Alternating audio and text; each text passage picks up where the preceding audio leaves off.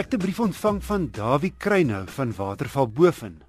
Hy skryf hy was ver van die radio maar hy het so skrams gehoor dat mense motor se verwarmer so nou en dan moet aanskakel.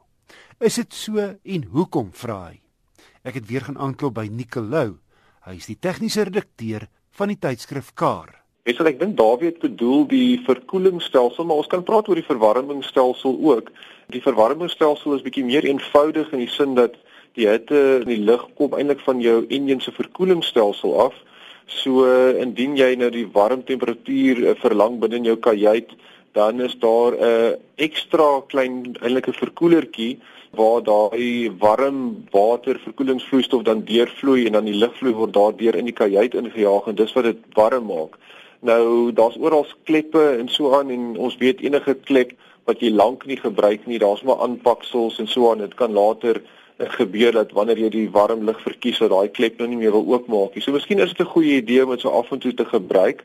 Maar ek dink die vraag gaan regtig oor die verkoelingsstelsel. Dis 'n baie meer gekompliseerde stelsel. Natuurlik is daar 'n hele ekstra baan met verkoelingsvloeistof uh, wat dan in van die vloeistof na die gasfase uh, gaan en het 'n kompressor wat dan in die vloeistof deur die stelsel pomp. So dis 'n baie meer gekompliseerde stelsel om natuurlik jou koue lug in die kar te kry. En in daai stelsel is daar natuurlik heelwat bewegende dele nommer 1 en daar's ook heelwat rubber seals.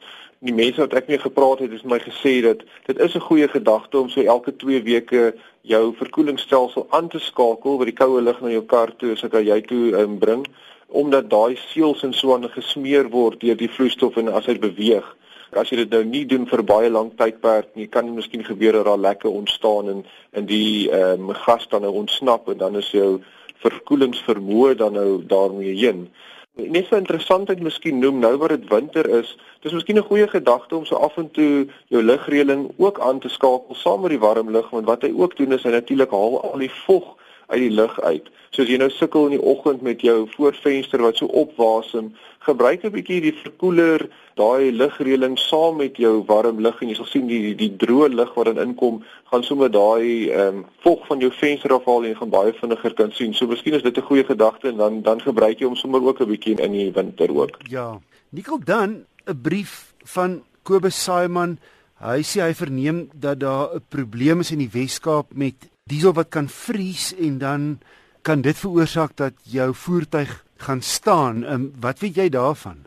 Ja, dis 'n interessante vraag. Ehm um, wissel diesel is nie heeltemal soos water wat sommer net begin vries teen koue temperature nie. Wat hulle van praat is hy sal eers so begin melkerig raak en dan raak hy so half wasagtig. En dit is wat die probleem veroorsaak dat as hy daai wasstadium bereik, dan gaan hy natuurlik jou dieselfilter verstop en jou enjin sal dan nie wil aanskakel of of verder loop nie. Nou die regulasies van diesel bepaal dat jy dan nou 'n somer en 'n winter diesel. Ek het nie geweet eers in ons land in Wesel, maar ja, jy kry 'n somer en 'n winter diesel. Ek weet natuurlik van Europa want ek het self toetse daar gedoen teen -40 uh, grade in Finland wat jy definitief 'n baie spesiale diesel nodig het om in daai toestande te kan opereer. Maar in Suid-Afrika, uh, wat die regulasie noem in Engels is dit CFPP wat staan vir cold filter plugging point. Ons kan dit sommer ver, vertaal na wanneer jou filter dan nou verstop gaan raak. Nou in Suid-Afrika die somer diesel, daai regulasie bepaal dat daai spesifikasie dan by 3 grade Celsius is en dan die winter diesel, daai selfde spesifikasie is dan nou -4. Nou ek het gevra nou wanneer is dit nou somer, wanneer is dit winter in Suid-Afrika? Die regulasie bepaal ook dat die winter diesel beskikbaar moet wees vanaf 1 April tot en met 30 September en dis nou in al die gedeeltes in ons land wat nou koud raak, so meestal binne land en ja, nou hoor ek al die mense wat wat daar in Sutherland bly wat sê -4 is nou glad nie koud genoeg by hulle nie.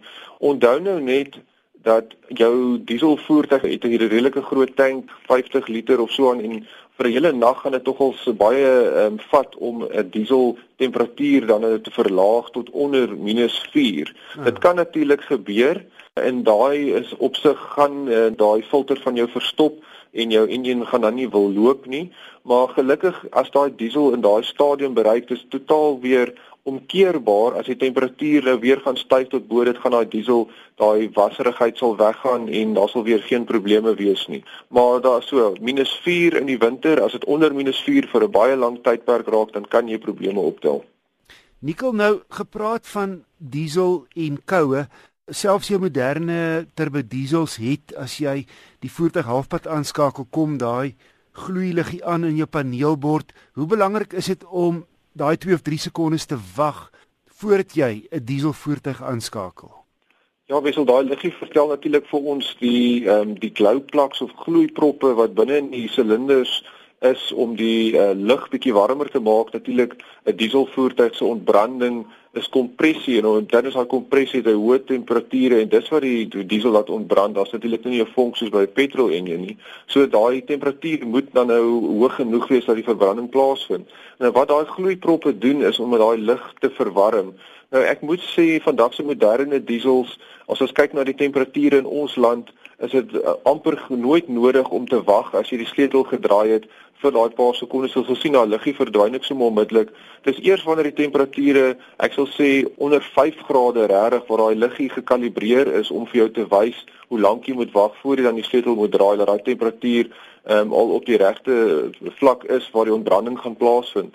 Net interessantheidsgehalwe, daai gloeiproppe is ongelooflik. Hulle kan tot met 'n 1000 grade Celsius gaan in iets soos 1 sekonde. Dis hoe vinnig hulle kan warm raak om daai lug binne in jou silinders warm te maak sodat die verbranding kan plaasvind. In Europa, as ons praat daai van -20 en -40 grade, dan kry jy die situasies waar daai gloeiproppe moet aanwees tussen 5 en 8 sekondes voor jy dan die voertuig kan um, aanskakel. Suid-Afrika kry dan hopelik nou nie daai koue temperature nie. Nicolou die tegniese redakteur van die tydskrif Car. Motornavraag kan aan my ge-e-pos word. Die adres is wissel@rsg.co.za. Volgende week 'n patoets van Suzuki se Baleno luikerig.